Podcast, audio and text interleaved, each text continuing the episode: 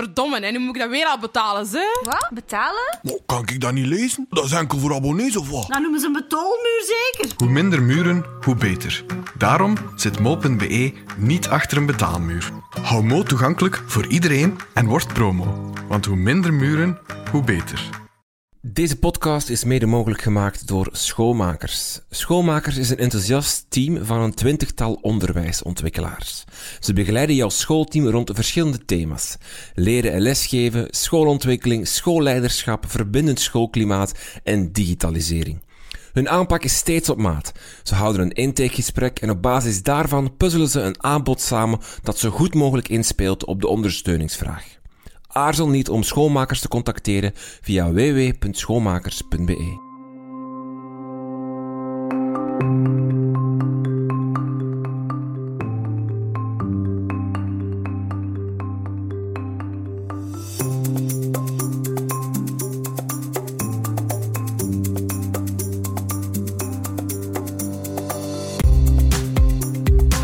en welkom bij Buitenrik Rijtlijnen. Mijn naam is Rinke van Hoek en dit is uw podcast over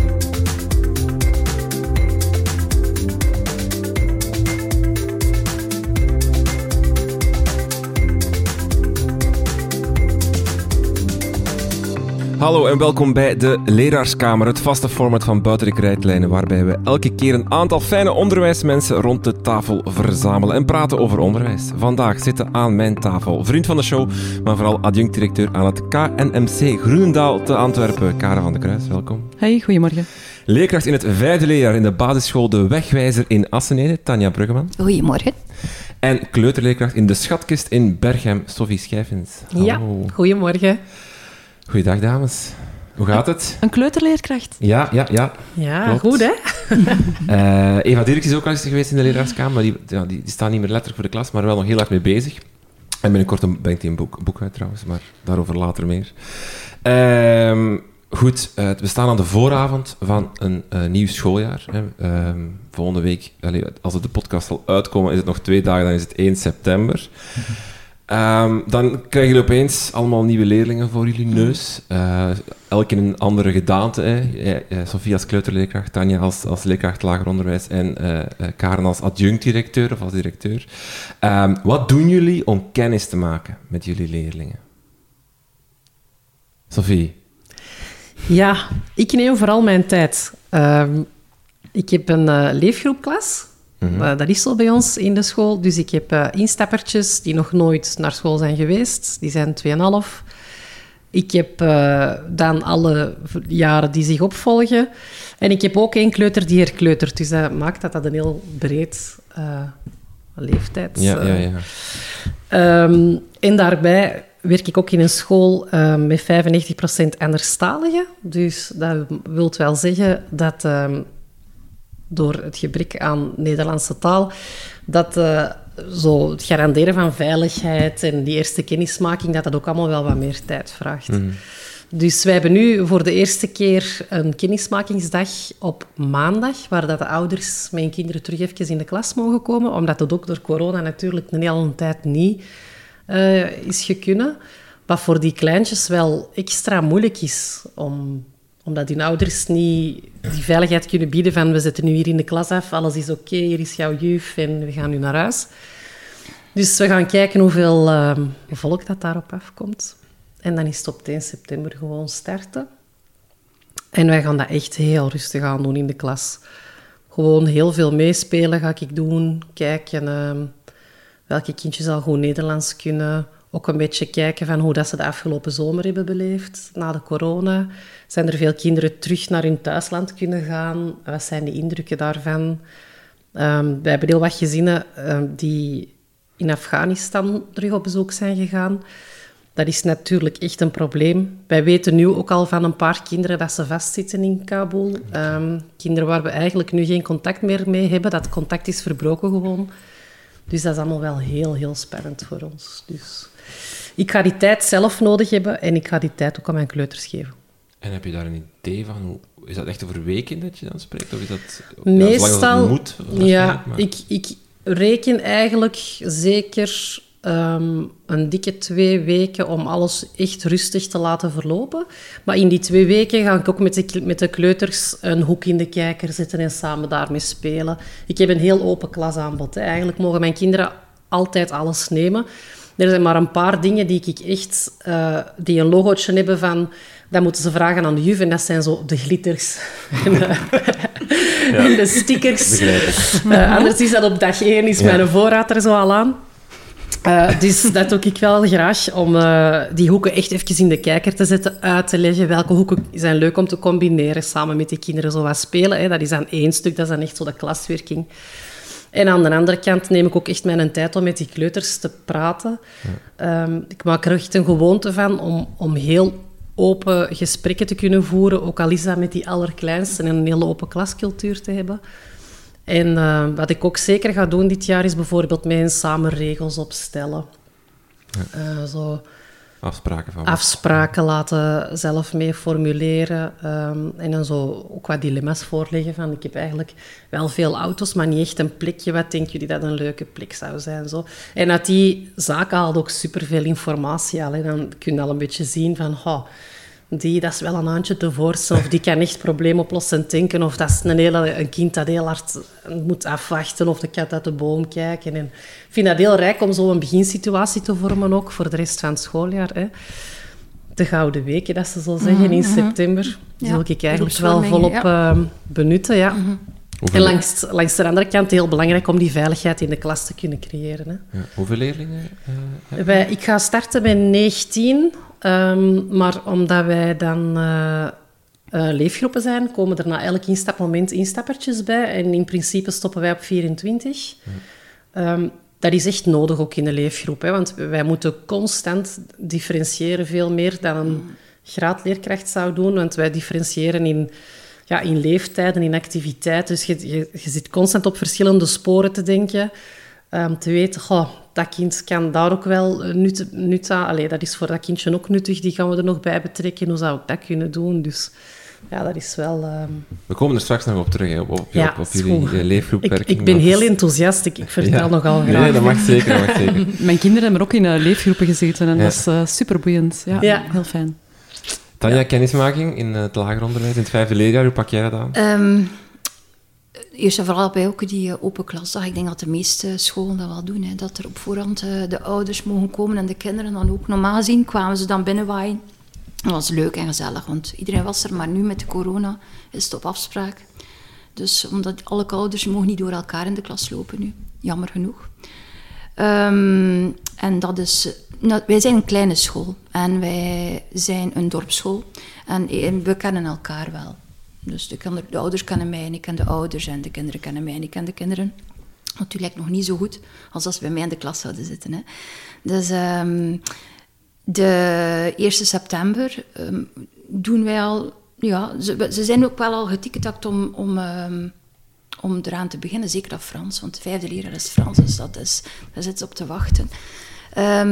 Maar ik doe ook een aantal kennismakingsactiviteiten, eh, zoals ik heb een rekenlesje gemaakt en dan noemt nu, ehm, ik heb dat op Pinterest gevonden, dan noemt de reken mij uit en eh, dat is zo, je moet jezelf in cijfers omschrijven en bijvoorbeeld, eh, ik ben nu van geboortejaar 1971 1971 en dat is nu bijvoorbeeld mm, 2000 min hoeveel? Min 39 en dat is dan, nee, 29. Hè. En dat is dan. Eh, en dan zo op die manier gaan we elkaar voorstellen en dan is al een beetje gerekend. En eh, dat is dan, dan mogen ze, dat ik een blad op het bord en dan rekenen we het uit. En aan die manier gaan we raden welk kind in de klas het is. Dan hebben we al een beetje gerekend. Ehm, maar echt de kinderen leren kennen, dat doe ik in de klas en tussendoor. Ehm, op de speelplaats ga ik er tegen gaan praten. Of in de vrije momenten in de klas probeer ik tegen iedereen een keer te kletsen. Ehm, want de belangrijke zaken, die gaan ze niet in de klasgroep vertellen. Die vertellen ze tegen mij alleen of, of in een groepje, in een kleine groepje, waar ze zich veilig voelen. Ja. Ja. En doe je dat echt... eh, heb je echt bij, bij ons spreken een lijstje van ik moet nog eens met die leerling nog eens even een individueel gesprekje doen met de die? Of- Eh, en wel, het is ja, eigenlijk, dat is raar om te zeggen, maar ja, omdat ik vind dat heel, heel, heel belangrijk om aan die, aan die band met dat kind te werken. En ik wil dat elk kind zich gezien voelt en elk kind zich gehoord voelt. En ik ga er echt op letten, nu niet de eerste week, hè, maar na een tijdje ga ik in mijn hoofd wel af van, oké, die en dan, oh, die moet ik zeker nog een keer doen en die. Ja. en dan ga ik, mij daar, ehm, dan ga ik daar tijd voor nemen om, om dat kind uit zijn kotje te lokken, als dat nodig is. Hoeveel heb jij het er in de klas? Niet veel. Ik heb dit schooljaar een heel kleine klas, eh 14 kinderen. Oké. Dus dat is wel een super luxe. Ja, ja, ik vind dat, je- ook. Ik ga, er, ik ga ervan genieten en de kinderen ook. ik, beloof, gelijk, het, groot ik beloof het je hoor. Ja, ja. Dat gaat eh, ja, m- lekker gedifferentieerd worden. Voilà. Karen, als, eh, als adjunct-directeur, directeursfunctie, eh, maak je dan kennis met de leerlingen? Ja, ik ga de aantallen hier wat opdrijven. Ja, hoeveel heb jij Rio moeten leren kennen? Wel, ehm, ik neem eh, dit jaar de derde graad onder mijn hoede. Ehm, Ik moet daarbij zeggen dat mijn school, het Groenendaal College, vanaf 1 september eh, opgaat in een nieuw geheel, KNMC Groenendaal, waarvan ik ehm, ja, met de derde graad aan de slag ga. En daar eh, denk ik dat we toch richting eh, 360 eh, leerlingen gaan. Waarvan hou je vast, eh, ik eigenlijk de helft nog nooit gezien heb. dus ehm, ik sta voor een gigantische uitdaging. Want ik vind zelf, als je mij zou vragen hè, van eh, hoe ga je je leerlingen begroeten, ehm, ik vind dat superbelangrijk dat het zo persoonlijk mogelijk is. Liefst bij naam allemaal. Eh, liefst nog meer dan bij naam. Dus dat wil zeggen ook nog wel wat context. Weten wat doen ze graag, waar zijn ze goed in. Ehm, maar goed, dat zal ook tijd nodig hebben. Eh, ik heb nu niet alleen nieuwe leerlingen, nieuwe studierichtingen, maar ook een heel nieuw korps. Eh, dus ik ga, eh, ja, ik ga een studierondje en ik, ik vind dat wel superbelangrijk. Allee, voor de mensen waar je mee samenwerkt, maar ook, maar ook die jongeren. Ehm, als ik een jongere voor mij heb, ehm, om welke reden dan ook, want dat kan heel divers zijn, ehm, ja, dan wil ik daar graag wel een beetje context bij. Dus ik neem daar ook wel mijn tijd voor. En de dingen die ik hier hoor, hè, eh, op de speelplaats, eh, gewoon babbeltje tussendoor, open vragen stellen, ehm, zo breed mogelijk bevragen, ehm, goed uw oor eh, te luisteren leggen, en daar dingen uit oppikken en daar wel eens op doorgaan. Ja, dat is ehm, ook wat ik doe. Ik probeer constant eh, te praten wanneer ik op het werk ben. Mhm. Ja. En je, je, je korps moet je ook leren kennen dan? Is dat op dezelfde manier ook gewoon... Ja, de helft. Hè. Eh, dat ga Ja. ik ook... Ik, ik, ik herken wel wat Tanja zegt. Alleen denk ik dat het eh, op dit moment voor mij niet haalbaar is om alle leerlingen... Nee. oh, om dat bij alle leerlingen te doen. Dus ja, je krijgt als directielid sowieso een beetje een, een filter eh, wie je voor je krijgt en waarom. Ehm, toch probeer ik, hè, we gaan ook in alle klassen rondgaan. Zeker de klassen waar we nog nooit geweest zijn, of waar ik nog nooit geweest ben. eh, om ons voor te stellen als team dan. Want ik hoef dat gerust... allee, ik hoef dat niet alleen te doen. Ehm, maar eh, ik denk met collega's, ja, gaat dat wel gestructureerder zijn. Ik zou wel graag eh, de komende weken met iedereen eh, individueel op een gestructureerde manier kennis maken. Oké. Een stevige uitdaging al in die Ja, eerste ja, ja. maanden. We lichten ook af en toe een stukje van de actualiteit uit in de leraarskamer die dan voor jullie voeten gooien, waar jullie op mogen reageren. En ehm, waar ik voor gekozen heb is eh, het gemeenschapsonderwijs heeft een nieuwe baas, eh, Koen Pellerio. En die tre- treedt dus aan eh, deze dagen. Hij is, van, is denk ik net begonnen, hè, inderdaad.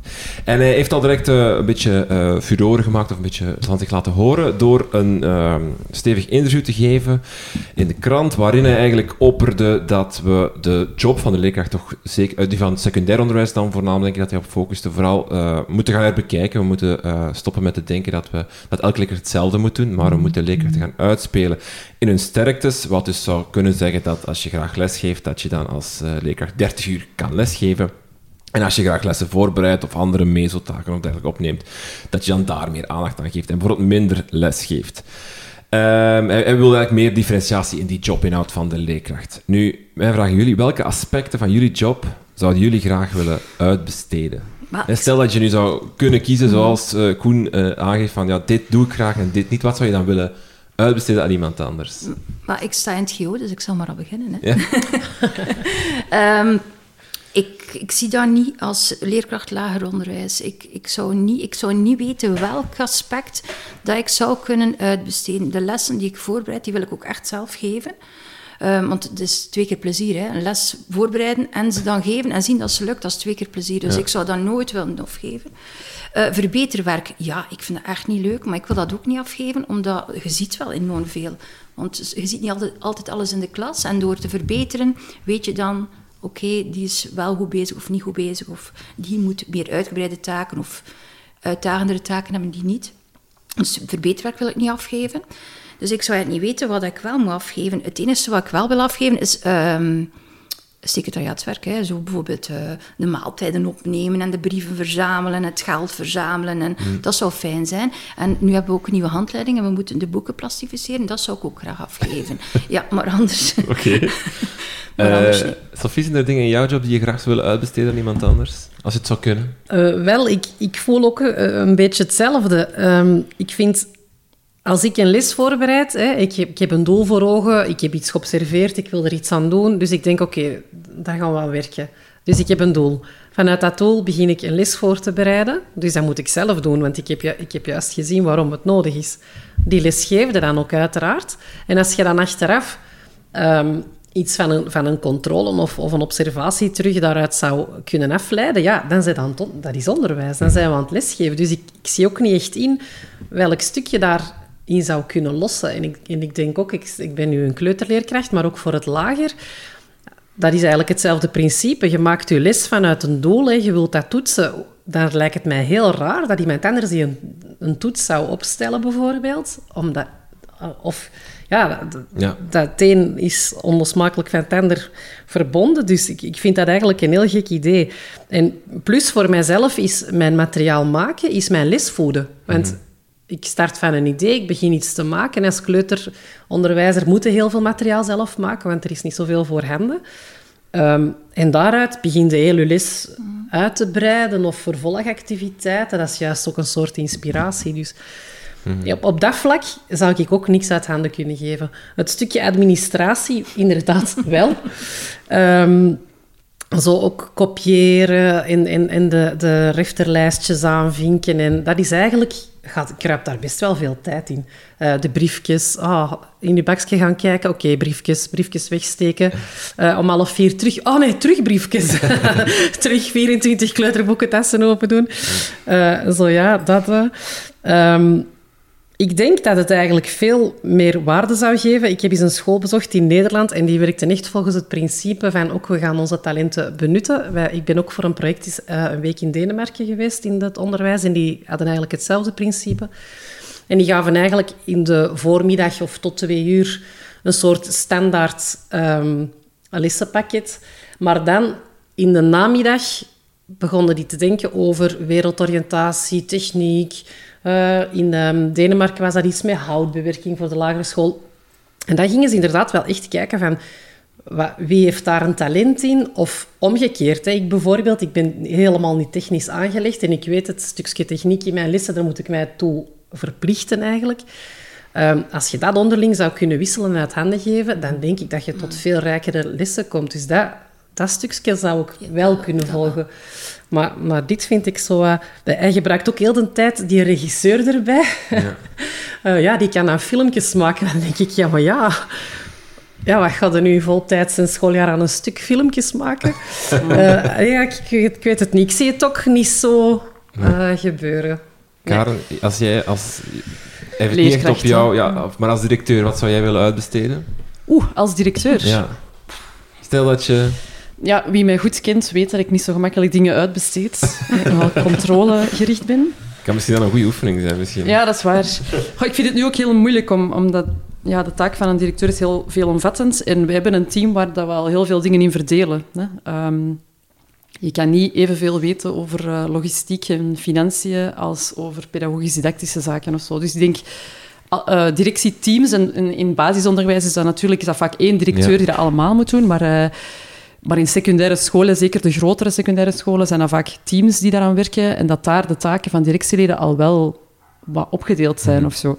Ehm, als ik dan echt moet denken, hè, natuurlijk in, in, in het secundair, als leerkracht Ehm, ik, begrijp, ik begrijp het artikel, of ik begrijp de insteek van het artikel. Ik denk dat er, um, er zijn heel grote verschillen. Um, denk, hij haalt ook in het artikel aan dat een leerkracht aardrijkskunde derde graad versus een leerkracht wiskunde. Vond ik nu nog niet het meest duidelijke voorbeeld. Maar inderdaad, als je zou gaan kijken, afhankelijk van vakgroep of afhankelijk van jaar waar je staat, of, of doelgroep, uh, zijn er wel grote verschillen, denk ik, in taakbelasting van leerkrachten.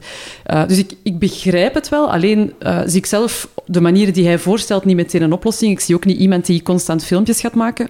Trouwens, ik denk als je in een secundaire school binnen vakgroepen werkt, dat, ja, jij weet ook wel welke van jouw collega's wat technisch behendig is.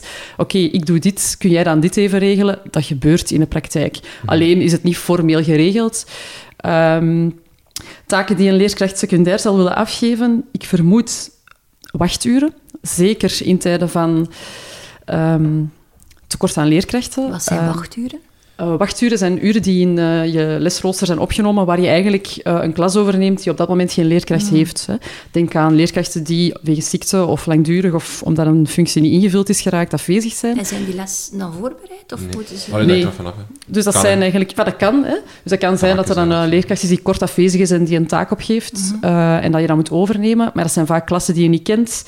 Um, je bent van de ene kant naar de andere kant aan het hollen, je kent de leerlingen niet, er is vaak onduidelijkheid, want ja, die taak wordt langs, komt langs zeven handen tot bij jou.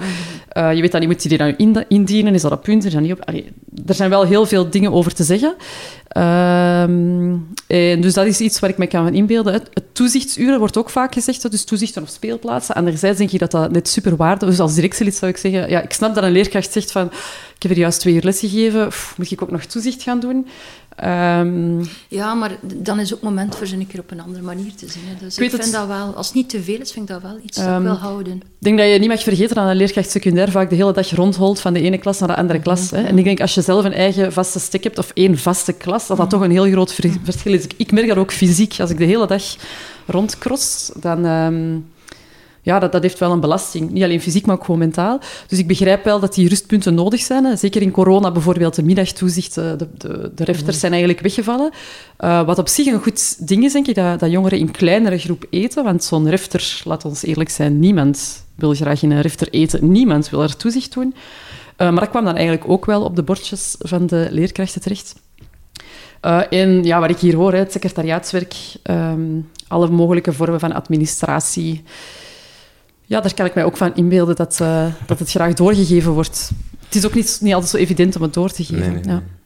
In het artikel uh, viel het woord bedrijf een aantal keren. Hij maakt ook de vergelijking met uh, het maken van een wagen. Hè. Er is niemand in een bedrijf, een fabriek, die heel die wagen maakt, maar er zijn verschillende mensen die verschillende onderdelen van die wagen maken.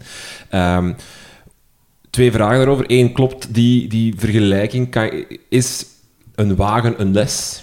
Want dat is wat hij zegt, van wagen is de les en niet iedereen moet uh, heel die les uh, ontwerpen, maar verschillende mensen kunnen verschillende onderdelen van die les maken. Eén iemand voert ze uit, één iemand uh, bereidt ze voor, iemand anders verbetert ze, bij wijze van spreken. Klopt die vergelijking? In twee, mogen we de vergelijking maken tussen een bedrijf en een school? En als we dat doen, is daar dan een gevaar aan of niet? Ik vraag me af, is bandwerk ooit niet uitgevonden omdat het sneller en efficiënter zou gaan? Ik weet niet of dat voor de Ja, verbetering van de wagen is, dat weet ik niet zo heel goed. Ehm ah ja, maar het is toch waar, hè? Ehm, ja, nee, ik vind het geen bedrijf. Jij moet beginnen. Ja, ik, ik vind het ook echt geen bedrijf. Ik, eh, ja, als je zo, iedereen die in het onderwijs staat, die kent wel, als je met mensen praat over die, die niet in het onderwijs staan, dan kom je on- onmiddellijk op zo van die dingen die niet te begrijpen vallen. Hè. Dus Ja. je komt op een soort van discussie. Ja, een school is voor mij geen bedrijf. Ik was mij net ook aan het denken, bedenken van... Ja, een wagen, de wagen is de les. Is de wagen eigenlijk niet het kind? Hè? Ja, dat dacht ik Ehm, ook. en dat vind ik een hele lastige. Ehm, we hebben vorig schooljaar op een heel moeilijke manier het schooljaar afgerond. We hebben een eh, collega verloren na een, eh, na een tragisch ongeval. En eh, dat heeft een heel diepe impact gehad op collega's en, en leerlingen. En eigenlijk eh, heeft dat heel veel leerlingen ook zoiets doen stilstaan bij van... Ja, naar school komen, wat is dat eigenlijk allemaal? Het ging dan over ja, jongeren tussen de 14 en de, en de 18, 19. En, ehm, en ik heb toen heel veel gesprekken gevoerd met hen rond... Ja, wat is juist een leerkracht? Wat is de rol van een leerkracht? Ehm, wat is de taak van school? Eh, Oké, je hebt je boeken en je hebt je lessen en, en je moet de leerplandoelen behalen en zo. Maar, maar toen bleek bij uitstek dat, eh, dat een school zoveel meer is dan ja, dan de wagen die in elkaar moet gestoken worden. Mhm. het is absurd om het zo te zeggen. Dus ik denk dat we absoluut toch... eh, Straks gaat het ook nog over leermiddelen gaan. Ja, dat is een middel, maar, maar het doel is het kind. En ja, laat ons die eh, vergelijkingen met, eh, met het bedrijfsleven dan misschien maar weglaten. Ja, en het is ook zo dat als je de, de wagen als het kind beschouwt, je werkt daar wel met, met een heel team ook aan. Dat is niet één persoon. Je, hebt, je hebt het geluk om een kind een jaar in je klas te hebben, maar die schoolcarrière die, die loopt veel verder dan dat. Dus ik denk, als je naar je eigen kunnen op dat moment voor dat kind het beste wil doen en het beste doet, dan, dan gaat een heel eind eh, verder komen. Maar het is ook een stukje loslaten voor de rest. Hè. Ehm, je hebt thuissituaties niet onder controle, je hebt een verder leertraject niet onder controle. Eh, maar een bedrijf, ik, ik vind het, ik, het staat er tegenover, vind ik bijna. Ik ga even een quote uit het artikel erbij halen. Vandaag zoeken we witte raven. Een leraar moet goed zijn in klasmanagement, in coachen, in toetsen opstellen. Dat, dat profiel bestaat niet. Een expert in materiaalontwikkeling hoeft voor ons niet dezelfde persoon te zijn als de coach. Klopt die uit? Eigenlijk stelt hij hier van we verwachten te veel van de leerkracht. Of eh, we geven op dit moment te veel taken aan de leerkracht en het is onmogelijk om daar allemaal goed in te zijn.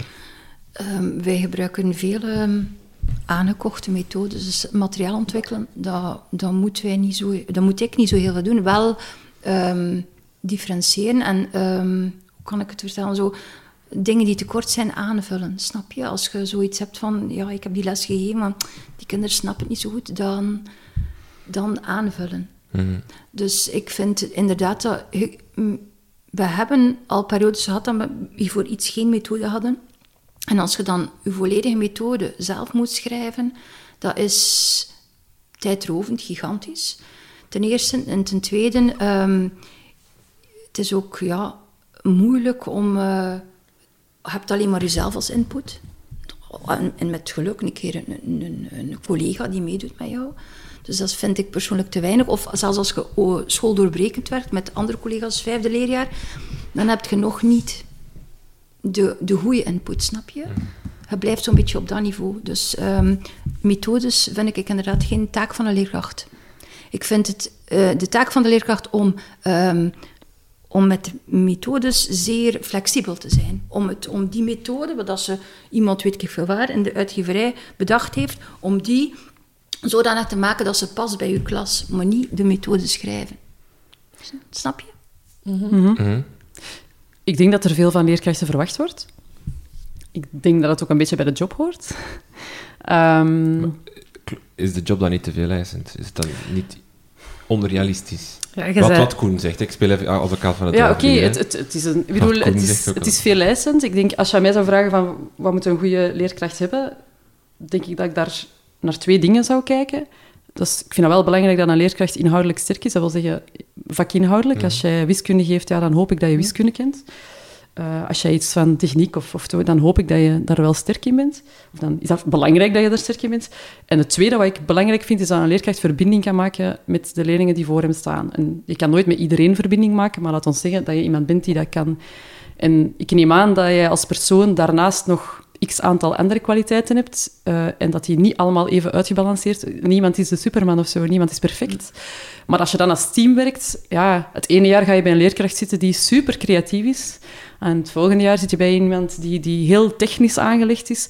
En ik denk dat dat ook is wat, waar ons onderwijs sterk maakt. Ja. Als er sterke mensen zitten die samenwerken in een team, en je kan al eens eh, pech hebben dat het ergens niet klikt of zo, of dat het niet gaat, of dat iemand inderdaad, ja, hè, beeld je in dat je in het eh, coronajaar, in het jaar van de lockdown, dat je bij iemand zat die echt, echt, echt niet ICT-vaardig was. En ik, er zijn veel kinderen in Vlaanderen die bij zo'n leerkracht zaten.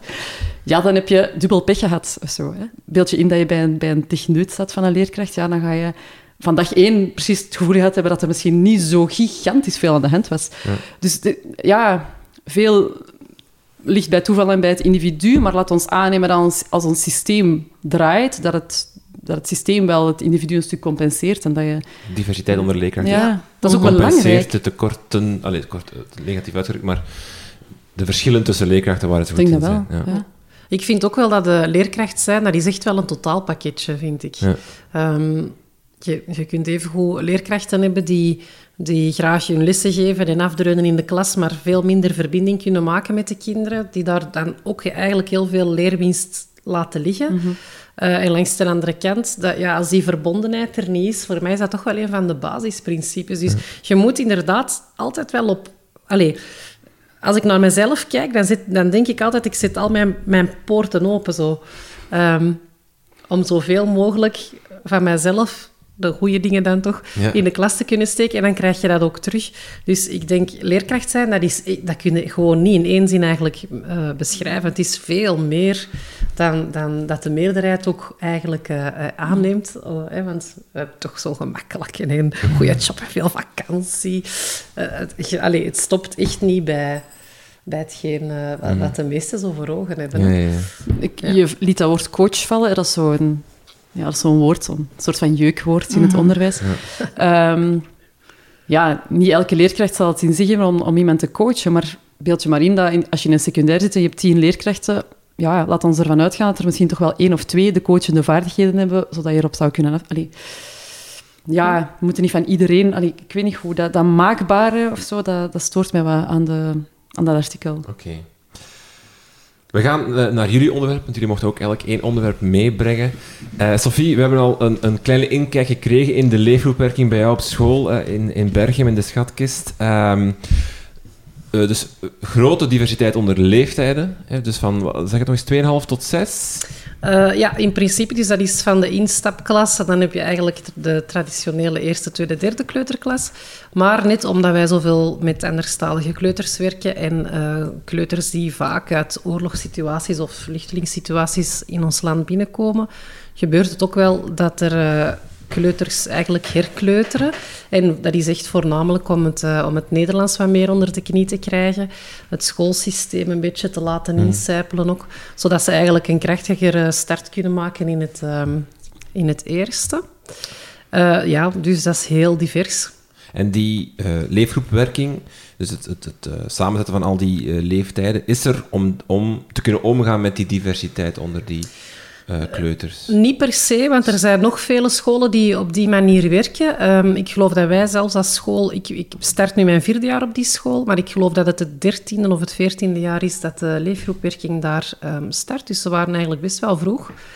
Eh, dus het gebeurt nog op veel andere scholen. eh, Maar is het het, het, het, het systeem om, om zo om te gaan met die diversiteit, met die grote diversiteit? Of zou je ook in, een, in klasjes van, van 15 leerlingen, eh, kleuters van dezelfde leeftijd hetzelfde kunnen bereiken? Dat zou kunnen. Dan, dan gaan er wel meer dan 15 kleuters per Ja, ja, Zullen er eerder 25 zijn.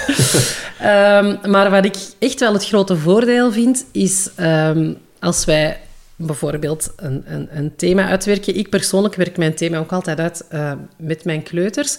Dus ik, ehm, ik pik een thema op, iets wat zij aangeven of iets wat in de actualiteit past of iets wat voorbij komt en er is veel interesse voor. Ik zet een paar lijnen uit en die zet ik zo vast in mijn agenda. Daar koppel ik al doelen aan, maar ik werk eigenlijk met heel veel witte blokken. En de eerste voormiddag dat we dat thema lanceren, ga ik echt zitten met mijn groot papier en dan gaan we brainstormen. Dat doe ik met de vier- en de vijfjarigen. Als er nog kleuters zijn waarvan dat ik weet, ja, die hebben hier al een groot interesse in, die mogen altijd aansluiten. Hè. Dus dat is al een, een rijkdom eigenlijk binnen die leefgroepwerking. Want een driejarige kleuter zou bijvoorbeeld in een eerste kleuterklas geen brainstorm maken. Nee, nee, nee. In onze leefgroep kan dat dan wel. Eh, en dan werken wij zo samen die thema's uit. Ehm, langs de ene kant zie ik dan ook een beetje van, hè, wat, wat is hun woordenschat? Hoe ver staan ze in het Nederlands? Wat is woordenschat, streefwoordenschat? Dat ik eigenlijk wel graag zou willen dat ze eh, meekrijgen. We formuleren onderzoeksvragen en die zijn altijd hilarisch. En ook voor mij heel eh, interessant om te weten, want er zijn altijd dingen... Ja, eh, een walvis, zo doet die kaka. Nou, dat wist ik ook niet. Of een spin en eitje, zo gebeurt dat eigenlijk. Allee, die, die maken wij dan, zet ik een groot rood vraagteken bij. Dus dat is ook herkenbaar. De kleuters weten dat. Dat gaan we nog onderzoeken. Eh, ze roepen mij daar ook voor op EUF. Uh, Ja. Is dat nog iets dat we nog onderzoeken? Dus wij, zo werken we eigenlijk een heel thema uit. Eh, en op die manier begin ik ook wel te kijken van bijvoorbeeld, goh, wat zit er qua rekenen in, wat heel goed zou zijn voor mijn oudste kleuters. Ik werk er iets rond uit, maar dan kan ik weer al kijken, goh, wie van de jongeren kan hier eigenlijk wel aansluiten, wie heeft er aanleg. Ik had dit jaar een, een driejarig meisje die eigenlijk een beetje bestempeld werd als oei, gedragsstoornis, past maar op, oei, oei, oei. Er waren al voordelen vanuit de crash, allez, vooroordelen vanuit de crash, was niet te doen. Uiteindelijk blijkt dat kind een hyperintelligent kind te zijn, die op driejarige leeftijd kon optellen en aftrekken. Ja, die heeft elke rekenactiviteit met de grote uiteraard meegedaan. Dat werkt natuurlijk ook in de andere richting. Bied ik een boekje aan met veel basiswoordenschat voor mijn instappertjes en heb ik een nieuw kind dat uit Afghanistan gekomen is, bijvoorbeeld. Ehm, ja, dan is dat voor dat kind ook rijk om die er even bij te zetten en op haar manier die woordenschat mee op te pikken. Als wij zo'n brainstorm maken, leg ik ook altijd een hele hoop informatie klaar. Boeken, de laptop staan open, uh, er ligt een tablet. Omdat kinderen heel vaak wel weten van ze willen iets vertellen, maar ze komen soms niet op de, op de, op de juiste Nederlandse woorden. En dan proberen ze het in hun taal uit te leggen. Ja, heel moeilijk voor mij. Dus hebben we dat ook zo aangeleerd dat ze het toch gewoon mogen gaan opzoeken of mogen gaan halen. En dan gebeurt dat wel eens dat er een kind op de klas uitrent en naar de keuken loopt en terugkomt met een pan of zo. Ah ja, goed, ja, dat is waar. Een bakker die kan ook in de pan. Uh, ja, dat is waar, want jullie hebben van die speciale pannenkoeken. Dat is eigenlijk jullie brood. Oké, dan zijn we weer vertrokken. Dus voor mij werkt dat in, in alle richtingen eigenlijk wel als een groot voordeel.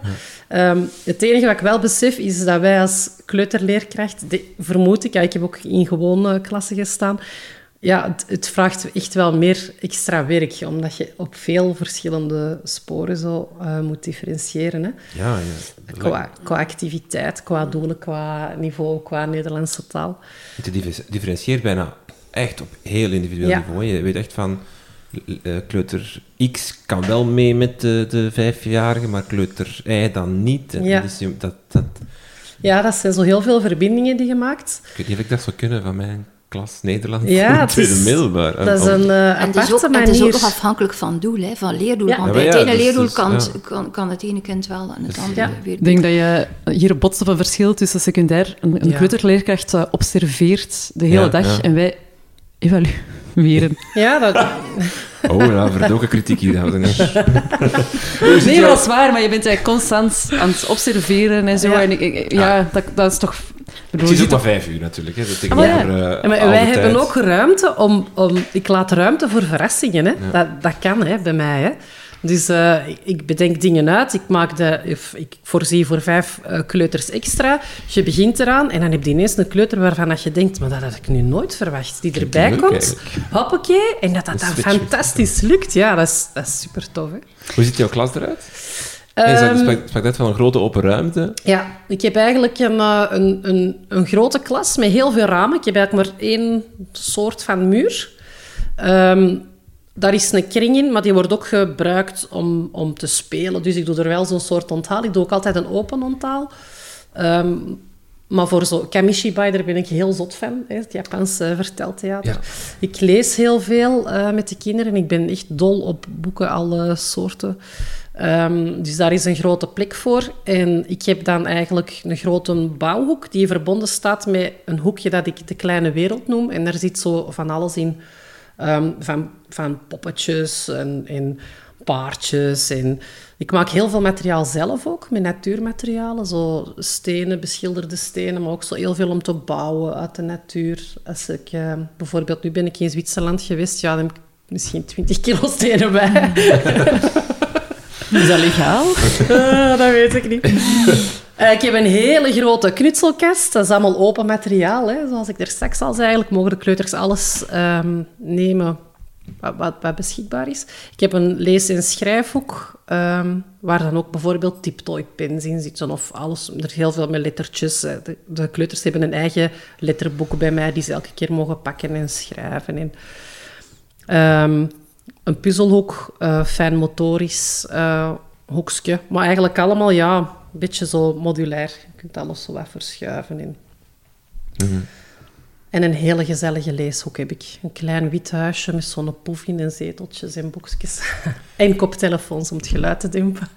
Kijk eens aan. Wat me opvalt is dat je, eh, maar dat is misschien eh, mijn naïviteit of zo, dat je een aantal dingen zegt waarvan ik eh, brainstormen, eh, zelfsturing, eh, ehm, eh, zelfonderzoeksvragen gaan zoeken, ehm, ehm, zelf de thema's gaan bepalen. Dingen die, die waarvan ik soms denk, ah, dat zou ik ook willen doen in mijn tweede middelbaar, maar gaan ze dat wel kunnen? Gaat dat wel goed komen? Hè? Want ja, meestal komt daar niet Ze zoveel kunnen uit. Of Wel, maar dus, dat, dat, dat valt me op, dat, dat, dat, dat je daar eh, Ja. bijna geen grenzen hebt van, we gaan het, gaan wel, gaan het gewoon doen, met, ook met de kleuters, hoe, hoe jong of oud ze ook zijn, en, en het komt wel goed. Ja, en dat is fantastisch. Dat is echt fantastisch, want die kinderen die, die ervaren zoveel van die kleine succesjes, dat je die gewoon voor je ogen ziet groeien. Dan, ik weet nog dat ik vorig jaar als eerste thema zo voorzichtig te beginnen, zo appeltjes en peren ging doen. En dan, hoppakee, dan begonnen die, wij willen een appeltaart maken. En, en dan begonnen we te ontleden en die pietjes, wij willen er een appelboom van maken, van die pieten. Dus heb ik dan in september hebben we natuurlijk heel veel appeltjes geproefd, er van alles mee gedaan, al die pieten verzameld en we hebben die laten kiemen. Er zijn wel zeven kleuters met een appelboom naar huis gegaan op het eind van het schooljaar. en dat, dat werkt, hè. Dat, dat, dat schiet uit. We beginnen dat te planten. Ik maak dan een klein hoekje met eh, de fotootjes. Er liggen vergrootglazen bij. En ze tekenen daar een, een appeltje op. De grotere beginnen dat te schrijven. Appel, hoe moet je dat schrijven, juf? Uppakee. Ik leg er een bak met zand, ze gaan in dat zand schrijven, appels, ze schrijven op hun potje, op einde hebben die een potje met een appelboom bij. Dat is toch fantastisch. dat vinden die echt superleuk. En zo is er heel veel, met heel veel thema's komen er... Ja, kinderen hebben echt een hele rijke fantasie. Ik probeer bij mezelf die fantasie ook zoveel mogelijk nog open te laten en open te stellen. Maar je ziet toch dat die... Met elk thema komen er zo onderwerpen aan bod dat ik denk... Dat had ik niet kunnen bedenken. En ik heb al voorstudie gedaan dan, eigenlijk over dat onderwerp vaak. Ja, ik zeg het zoals die, die, die, die walvisie dan kakade. Ja, hoe is dat dan, juf? Weten jullie dat? Geen idee. Ah, voilà. dat is dus een gigantische oranje streep van ongeveer vier meter lang. Dan heeft echt waar, in de zee, dan heeft een walvis kaka gedaan. Ik vind dat quote heel van de grappig. aflevering. Voilà. Eh, wat dat mij dan wel af, afvraag, ehm, dus bij mij is het niet zo moeilijk, want ik heb alleen maar het vijfde leerjaar en min, ja, min of meer hè, is dat hetzelfde niveau, niet helemaal, hè, want ja, er is een groot verschil ook. Maar ehm, mijn, uw kopgroep, hè, die, die is dan toch, allee ja, kun je, daar, kun je genoeg, na, degenen die moeten overgaan naar het eerste leren, kan je daar ook genoeg aandacht aan besteden en ook Ja. genoeg uitdagen. Want dat meisje dat van drie jaar dan nu hyperintelligent is, die moet nog wel aan het trekken kopen tot het einde van de rit. Ja, ja, dat klopt. Dat is wel een voordeel natuurlijk, omdat wij zo gewoon zijn om te differentiëren binnen onze leefgroep. Ehm, dat meisje van drie kunnen we eigenlijk veel meetrekken al in de... Alleen naar boven toe eh, met de andere leeftijden. Maar wij weten natuurlijk ook, stel je voor dat zij eh, volgend jaar vier is, als ze vijf is, ja, dan gaat die uitdaging al op een ander niveau eh, moeten gebeuren. Het gebeurt dan ook dat de kinderen eigenlijk vervroegd eh, naar het eerste leerjaar gaan. En anderzijds ehm, hebben wij ook een hele goede een groep met, met plusjuffen, met zorgjuffen. Ehm, en we bekijken eigenlijk altijd zo in het begin van het schooljaar of in de loop van, als er andere ondersteuning nodig is, ehm, hoe, hoe dat we die, die uren eigenlijk het beste eh, inzetten. En vorig jaar hadden wij wel echt een groep van ehm, oudste kleuters die nogal ja, gericht waren op dat rekenen en daar toch nog wel wat uitdaging konden gebruiken. En dan hebben we effectief een, een van die juffen gehad die de groepjes oudste kleuters uit- eigenlijk uit de klas haalden en specifiek daar eh, rond ging werken. Ja. En dan heb ik weer ruimte om met een ander groepje in de klas verdiepend te werken, eh, o- allee, bij andere zaken. En we, we zijn ook gewoon om heel flexibel op elkaar in te spelen. Als er bijvoorbeeld ehm, eh, de turnleerkracht die, die eh, leert... Wij, wij zijn eigenlijk echt een stadsschool. Onze school is tussen de Drie Koningenstraat en, en de Boomgaardstraat. Er zo echt een druk stukje Berchem. Ehm, die leert al onze kleuters fietsen, al op heel jonge leeftijd. En dan is dat ook vaak dat hij met een groep bezig is. En als ik een paar kinderen aan mijn raam zo heb staan, dan zegt hij, kom, hop, stuurt ze maar mee naar buiten. Huppakee, dan zie je die op de fiets voorbij racen. Hebben ze weer al ruimte om wat meer Ja. in de klas te doen. Dus dat werkt wel zo in Ja. alle richtingen. Ja. Sophie, we gaan even reclame maken. Ehm, als jullie als luisteraar meer willen weten over eh, de klas van, of over kleuterleerkracht zijn en vooral ook wat jij allemaal doet in je klas, op 16 september is het de boekvoorstelling van kleuterleerkracht van Ja. Eva en eh, Saskia, als ik juist ben. Astrid. Astrid, sorry. Goh, doe me. Ik dacht dat ik het juist had. Eh, van Eva en Astrid. Dan stelde je een boek. eigenlijk ja, een, een gat in de markt, want er is niet zo heel veel lectuur over hoe je nu een goede leerkracht, eh, kleuterleerkracht kan zijn of wat daar voor wetenschappelijke inzichten rond zijn. Ze hebben dat allemaal samen gebundeld. Eh, ehm, de boekvoorstelling is 16 september en we doen een live podcast eh, met Eva en Astrid, maar ook met jou. Ja. Dus dat, alle, allen daarheen zou ik zeggen. Hè, om, Absoluut. dat even af te ronden. Ja, zeker. Tanja, jij wou het hebben over nog een, een, een actu- actueel onderwerp, de digisprong. Ja, Eh, dat is eh, een belangrijke ehm, eh, verwezenlijking van onze minister Ben Wijts, naar aanleiding van corona, denk ik. Hè. is er heel duidelijk gebleken dat Vlaanderen een achterstand heeft of, of nog niet helemaal mee is met de digitalisering. Veel leerlingen hadden geen laptop of geen mogelijkheden of geen vaardigheden om digitaal mee te zijn. Ook leerkrachten viel dat toch af en toe wat tegen. Dus is er heel veel geld vrijgemaakt. Eh, miljoenen en miljoenen. Het komt neer op, eh, in het secundair heb ik, weet ik cijfers, hè, 500 en zoveel euro per leerling voor een laptop en dan 42 euro voor de ondersteuning erbij. In het lager is het iets lager, denk ik, de cijfers. Maar, ik heb geen idee. maar het, is, het is veel geld in ieder geval. Eh, en het, het, het beheerst wel echt de scholen en, en, en de leerkrachten. Er wordt veel rond gedaan. Jij wou dat daar even over hebben. Ehm, want jij bent er heel erg mee bezig. Ja, ehm, ja, bij ons op school, wij, wij waren eigenlijk al redelijk digitaal. Toch wel goed bezig. We hebben allemaal iPads en we hebben eh, digitale borden en zo. Ehm, en nu krijgen we ook allemaal Chromebooks voor het vijfde en zesde leerjaar. Maar ik wou er twee dingen een keer bedenken ehm, of over hebben. Dus we hebben nu allemaal een snelcursus digitale vaardigheden gekregen.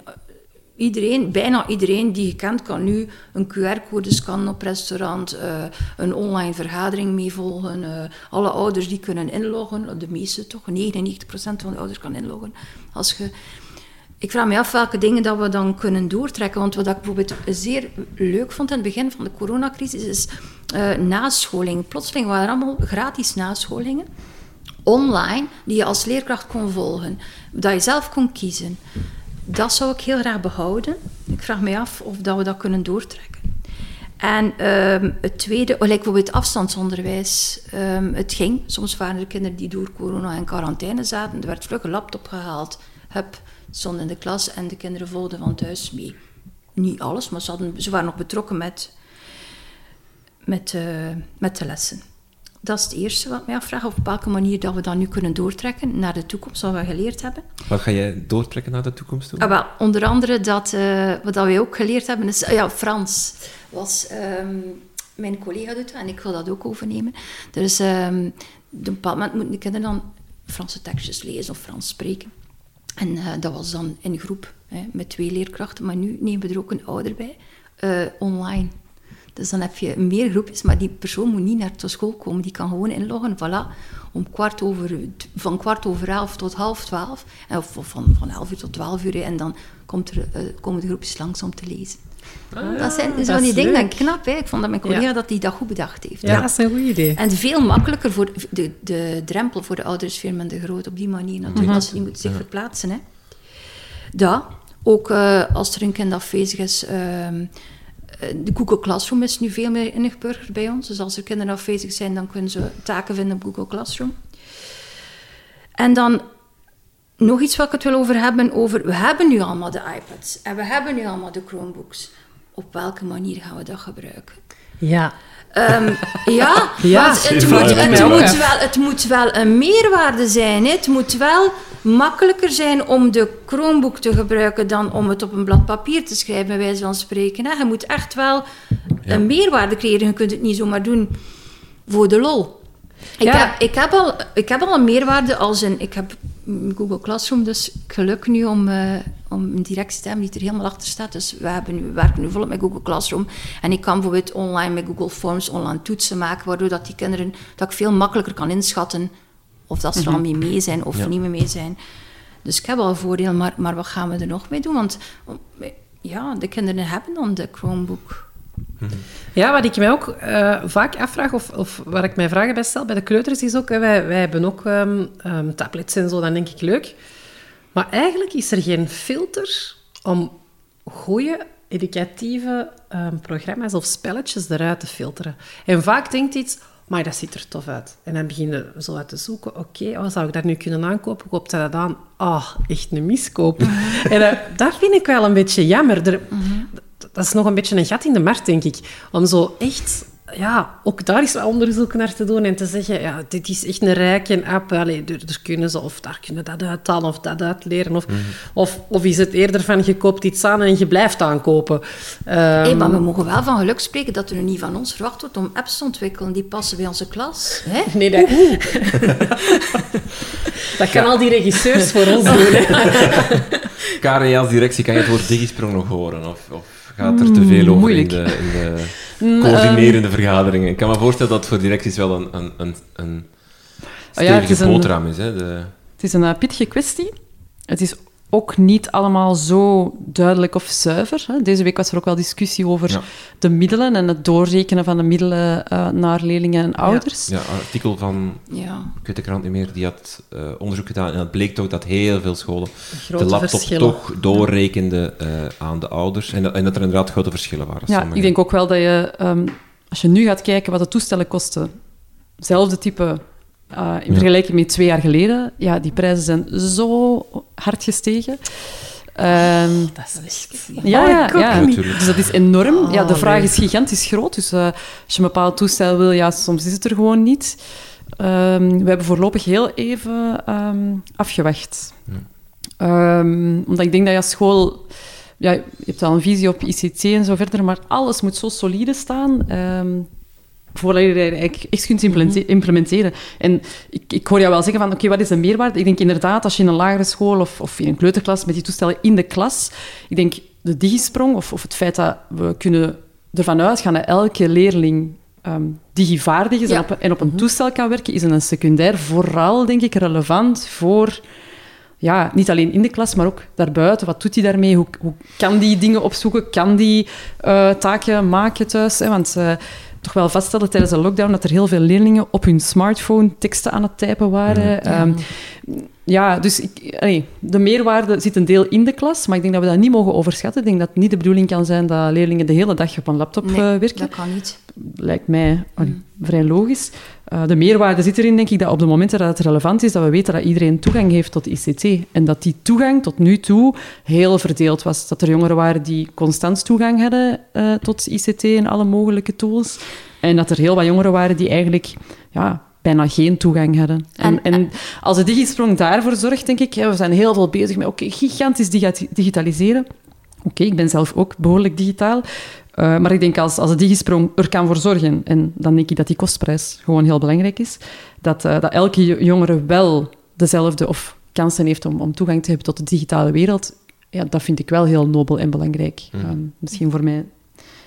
En ja, wat Tanja zegt, wat nemen we mee uit, uit die hele periode van, van afstandsonderwijs?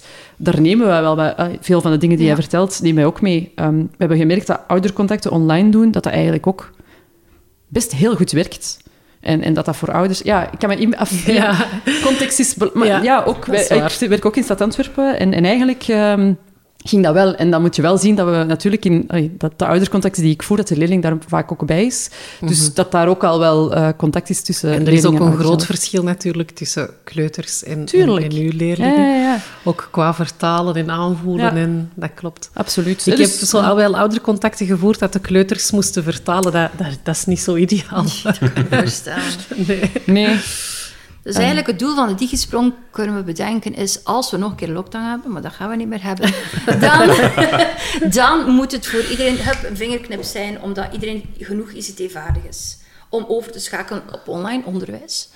Want en de inderdaad, er hebben, waren, er waren, en de middelen hebben. Want er ja. waren inderdaad grote verschillen. Er was, uh, ik ben super... Uh, uh, ICT-minded, dat is echt minder dat. Dus de kinderen van mijn klas was dat niet zo heel moeilijk om... Mm-hmm. Het moeilijkste stuk vond ik om ze online te krijgen. Hè? Want die dachten, oeh, ah, ja, ja. vrij. En ik heb mij dan op TikTok een account gemaakt om daar dan zo... Ja, ik ben hier. ja, je moet leefwereld van je leerlingen. Hè? kom, naar, kom online, kom online. Voilà, en het is gelukt. Online overleg is volgens mij ook een blijvertje. Ja. ja. ja. Dat is gewoon veel gemakkelijker, zeker als je roosters hebt die heel erg uiteenlopen. Online en, personeelsvergaderingen. Bijvoorbeeld. Ja. Hoop ik.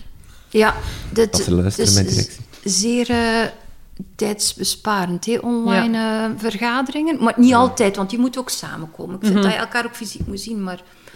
Ja, maar bijvoorbeeld als het eens niet lukt, of, of het, ja, je bent, jij bent toevallig degene die niet op school is die Ja. dag of op dat moment. ehm, ja. Zo hybride, ik zal zeggen, negen mensen die fysiek vergaderen en als enige daar dan online bij. Zwart, het is niet ideaal, maar het feit dat je er wel bij kan zijn, is...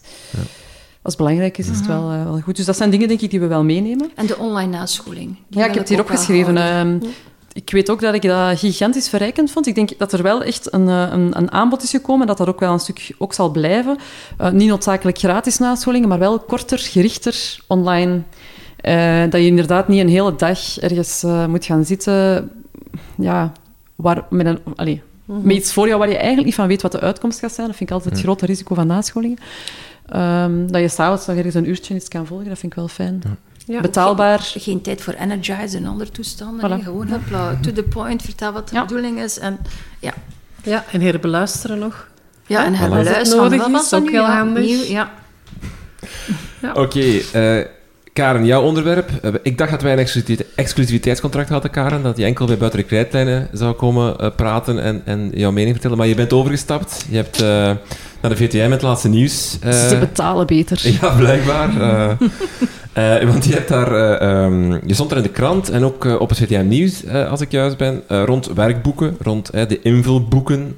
Daar daar eh, is een hele reeks rond aan het gebeuren bij eh, het laatste nieuws in VTM. eh, rond het feit dat het eigenlijk de oorzaak is, of een van de oorzaken is, voor de kwaliteitsdaling in het onderwijs. Ja. Tum, tum. Tada. Ik was wel behoorlijk dankbaar dat, er, dat die aandacht er een keer Ja. was. Het is iets dat ik zelf al lang belangrijk vind. Ehm, zowel in het basisonderwijs denk ik, als in het eh, secundair onderwijs merken we dat die, dat die invulboeken een heel groot aandeel van de methodes beginnen, eh, of, het- gewoon een heel groot aandeel van de methodes vormen. Ehm, en ik heb ja, ik kan mij daar een beeld over vormen op het secundair onderwijs. Ehm, ik kan mij daaraan ergeren. Ik kan daar dingen aan doen. Ik, maak zelf ook heel, of ik maakte zelf ook heel veel materiaal omdat ik vond dat de methode vaak niet voldeed. Of dat het, door het feit dat het zo sturend was, hè, dingen invullen, eh, ja, dat, het niet, of dat ik niet kon bereiken wat ik met de, met de leerlingen wilde bereiken. Eh, maar tijdens de lockdown ehm, kreeg ik natuurlijk een beetje een beeld van met mijn, met mijn kinderen. eh, toen tien en zes, zeven. eh, wat die eigenlijk uh, zoal uitspookte in de klas. En, ehm, Je bent, bent gaan tellen, hè? ja, ik ben echt gaan tellen. Het is gênant om het nog een keer uit te leggen. Maar, uh, dus we, we hebben gewoon gemerkt dat, dat, dat de taalmethode die, die ze gebruikten, uh, dat ze daar eigenlijk heel weinig moesten schrijven. En oké, okay, je krijgt die boeken dan op het einde van het schooljaar mee naar huis. En eigenlijk, ja, je bladert daar sowieso eens door en zit maar ja, goed gedaan of tof of zo. Maar toen dacht ik, oké, okay, ik vind die taalmethode... Sorry, ik ben een taalkundige. Ik wil dat eigenlijk wel eens grondig zien. En ben ik gaan tellen. Dus ik ben gaan kijken hoeveel losse woorden ze moest schrijven, hoeveel zinnen ze moest schrijven uh, en hoeveel teksten. En nou ja, ze zat toen in het tweede leerjaar. En dan is een tekst bijvoorbeeld een kattenbelletje of een, een, een winkellijstje of een, kaart, een vakantiekaartje. Dus dat gaat niet over pagina's lange mm. tekst.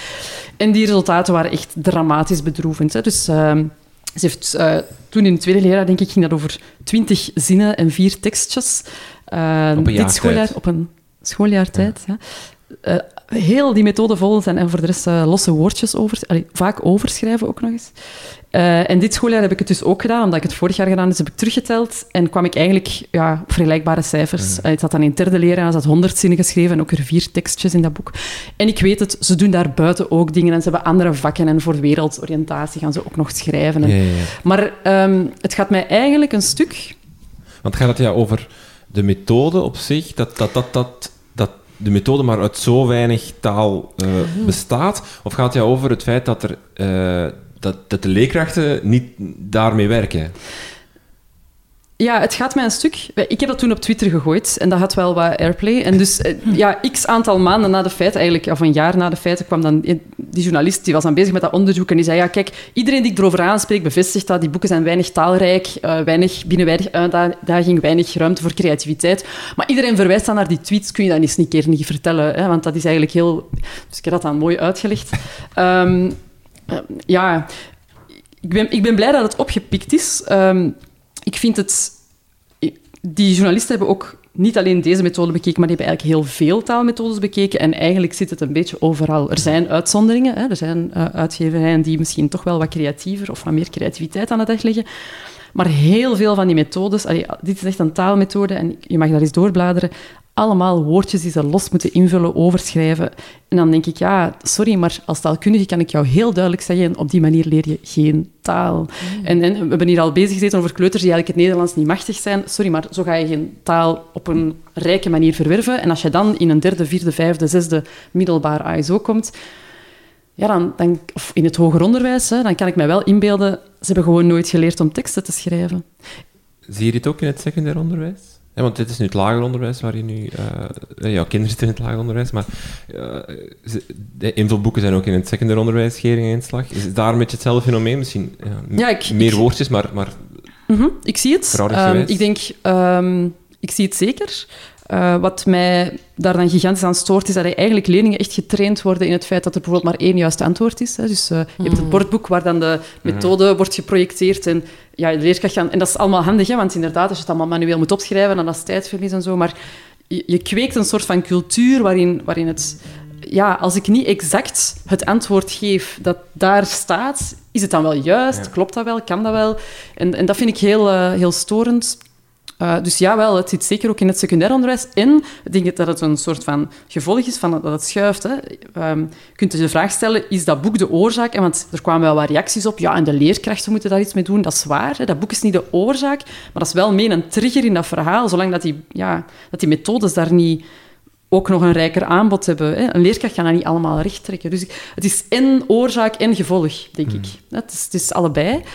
Um, en ik zou het toch echt wel liever anders zien. Want als je... Ja, mijn kinderen wonen in een redelijk taalrijk gezin. Ik kan jou zeggen, er staan voldoende boeken in huis en ze zijn veel met taal bezig en ze schrijven en ze zijn bezig op, op internet en sociale media. Um, maar als je die context niet hebt, dan kan ik je wel garanderen dat met deze boeken dat je niet leert schrijven. Hmm. Punt. Ja. Um, wat ik mis enorm, want wij hebben nu ook een nieuwe methode van taal. Ik, en we moesten dat zelf kiezen in onze school. En we hebben echt ons um, overal geïnformeerd en zo. Maar er is nergens een kwaliteitsgarantie. Mm -hmm. Dus je ziet dat en je denkt, ja, dit zal het wel zijn. Maar pas als je ermee werkt, ja, ja, weet je van, is het nu goed? Of is, weet je dat het niet zo goed is en dan ben je al te veranderen enzovoort. Ik mis dat enorm, zo een, een ja... En, want... Zeker en vast, Je, deze, want, je... maar, een methode kan niet in alles goed zijn, maar je zou kunnen zeggen van, kijk, deze methode is heel goed voor spelling en die methode is heel goed voor witke, voor schrijven. En dan kan je als school een beetje kiezen. Het is al vaak voor gepleit, hè, voor een soort van kwaliteitsmeter mm -hmm. rond die handboeken en een onafhankelijke commissie die dat toch even doorzoekt. Want mm -hmm. we hebben twee, drie jaar geleden ook voor een nieuw handboek moeten kiezen. Ja, dat is echt heel moeilijk. Dat is je krijgt dan zo wat ja. boeken opgestuurd en dan ga je daar eens door. Maar ja, je gaat geen 400 bladzijden uitgebreid analyseren Nee, nee. In, in groep. Dus dan kies je op een gegeven moment iets en dan, ja, dan ontdek je het ook pas als je bezig bent. Ja, dan denk je, oh, En dat dan- is toch En wel... het probleem is ja. je dan ook niet zo gemakkelijk niet meer wisselt daarna, want je bent dan eenmaal ingewerkt in dat boek en je gaat ook en niet elk jaar wisselen. dat gaat niet. En vaak is het niet je eigen keuze. Hè. Ik- Ik denk nog een extra argument bij het basisonderwijs is... Ik, ik kan me perfect inbeelden, ik heb nu, zeker met de lockdown, wel eens een ouder bij mij gehad die zei, ja, mevrouw, maar ze hebben hier een, een invulboek liggen en ze hebben daar zo weinig in gewerkt. Maar ja, hoe kwam dat? Alle leerkrachten zetten alles om in boekwidgets. Ja. Ja, hè, dat waren dan vaak wel de oefeningen van dat boek, maar dat werd dan digitaal verbeterd. Dus dat, dat invulboek, dat best wel duur is, hè, eh, bleef dan onaangeraakt liggen. Dus dan krijg je een ouder, want die ouder heeft dat moeten aankopen, maar in het basisonderwijs moeten ouders die boeken niet aankopen. Dus eigenlijk gewoon de maatschappij die die factuur betaalt. Er is geen kwaliteitscontrole. En dat vind ik wel heel zorgwekkend, want Ja. ehm, het is vaak de school die kiest. Ik, ik heb hier, eh, wat- wat mij ook heel erg zorgen baart, dus ik ben dat dan tweede, derde leerjaar. Nu ondertussen, mijn zoon zit in het secundair, maar ik ben zo eens gaan kijken in het vijfde leerjaar. Eigenlijk voor het vijfde leerjaar vind ik dat, ja, dat is, het is niet zo, het is ietsje meer schrijfwerk. Maar nu niet om te zeggen. En, en dat baart mij wel zorgen dat daar, dat daar, ja, dat, dat daar... Dus ik ben heel dankbaar dat die, dat die, ehm, die aandacht er is geweest. En ik hoop nu ook dat er iets gaat gebeuren. Ik weet aan de Artevelde Hogeschool eh, gaat men nu in de lerarenopleiding echt wel eh, studenten eh, met onderzoekjes daarmee aan de slag laten gaan. Dus zij gaan echt gaan kijken, ze gaan eh, methodes mee onderzoeken en zo verder. Ik weet dat er sprake is van toch meer ehm, een soort van, ja... ehm, TripAdvisor voor leermateriaal, dat er op zijn minst toch wel discussie is. Hè. Ehm, eh, er was iemand deze week, eh, ik weet niet of het was Van Damme, die zei van misschien moeten we toch eens ook gewoon meer over, over open educational resources. Hè, dus dingen die leerkrachten delen, om daar toch wel ook eens naar te gaan kijken en daar ook die kwaliteitscontrole te doen. Want je weet ook, klassement fantastisch, ik ben daar actief gebruiker van. Maar soms ga je zoeken en vind je iets en ja, is het toch Ja. kwalitatief ook weer niet wat je nodig hebt. We hebben met de podcast Wouter Smets gesproken, maker van, invoelboek- allee, van werkboeken, in geschiedenis dan vooral. Hij zegt wel heel duidelijk, uitgeverijen hebben heel goed de vinger aan de pols en maken wat dat leerkrachten vragen. Vragen, ja. Ik twijfel wel. Op zich is het wel, het commercieel model is voor uitgeverijen harder als, als, als is, is, is hard. Hè? Dus als, als ze niet maken wat dat leerkrachten willen hebben, verkopen ze niet. Hè? ja, want eh, De markt is heel duidelijk en afgeleid. Het is in die Ja. le- en dus, dus ik Ja, denk dat wel, want toevallig, zijn. toevallig Ja, zei ja. hij van, wij vroegen van, is dat erbij of niet bij, ik weet niet wat het was. En die verkoper zei, ja, dat was vroeger zo, maar leerkrachten willen liever dat het zo is. Ik denk dat ze inderdaad wel doen. Er bestaat ook geen gemiddelde leerkracht. Hè? Nee, dat is Ehm, waar. Ik heb zelf ook, want ik heb aan methodes meegewerkt, zowel voor Nederlands derde graad als... ehm, ik heb nu meegewerkt aan digitale methode voor eh, Nederlands tweede graad. Dus allee, ik zie ook wel de andere kant. Het, is niet zo, het is niet allemaal kommer en kwel. En, en er zijn wel initiatieven. Ehm, maar zeggen van de leerkracht is vragende partij, ja... Zoals de vraag, ja, moet Guido Gezelle opgenomen worden? Hè? Moeten er teksten van Guido Gezelle opgenomen worden in een leerwerkboek of in een handboek, eh Nederlands eh, derde graad bijvoorbeeld? Ja, som, de, de modale leerkracht zegt van wel. En dan vraag ik mij af, ja, in mijn, de context waar ik lesgeef, dan denk ik, ja, als die erin staat, ja, ik ga die toch vervangen vervangen voor iets anders.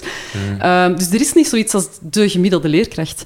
Ehm, Maar gaat dan bijvoorbeeld, moeten we dan durven zeggen van, moet, moet de revival van het handboek terugkomen, namelijk waarin bronnen staan en dan gewoon, het, zoals jij hier zit, met het, het lege blad, het cursusblad daarnaast en, en, en laat de leerling gewoon terugschrijven, eh terug denk- opgaves opschrijven, terug antwoorden eh, die de leerkracht niet letterlijk bordboekgewijs laat zien, maar ik- zelf in zijn eigen woorden. Als ik start in het tweede leerjaar, dat is al heel lang geleden, toen was het inderdaad een handboek dat de kinderen hadden en ze deden het open en daarnaast lag er een schriftje, bladzijde zoveel en ze schreven.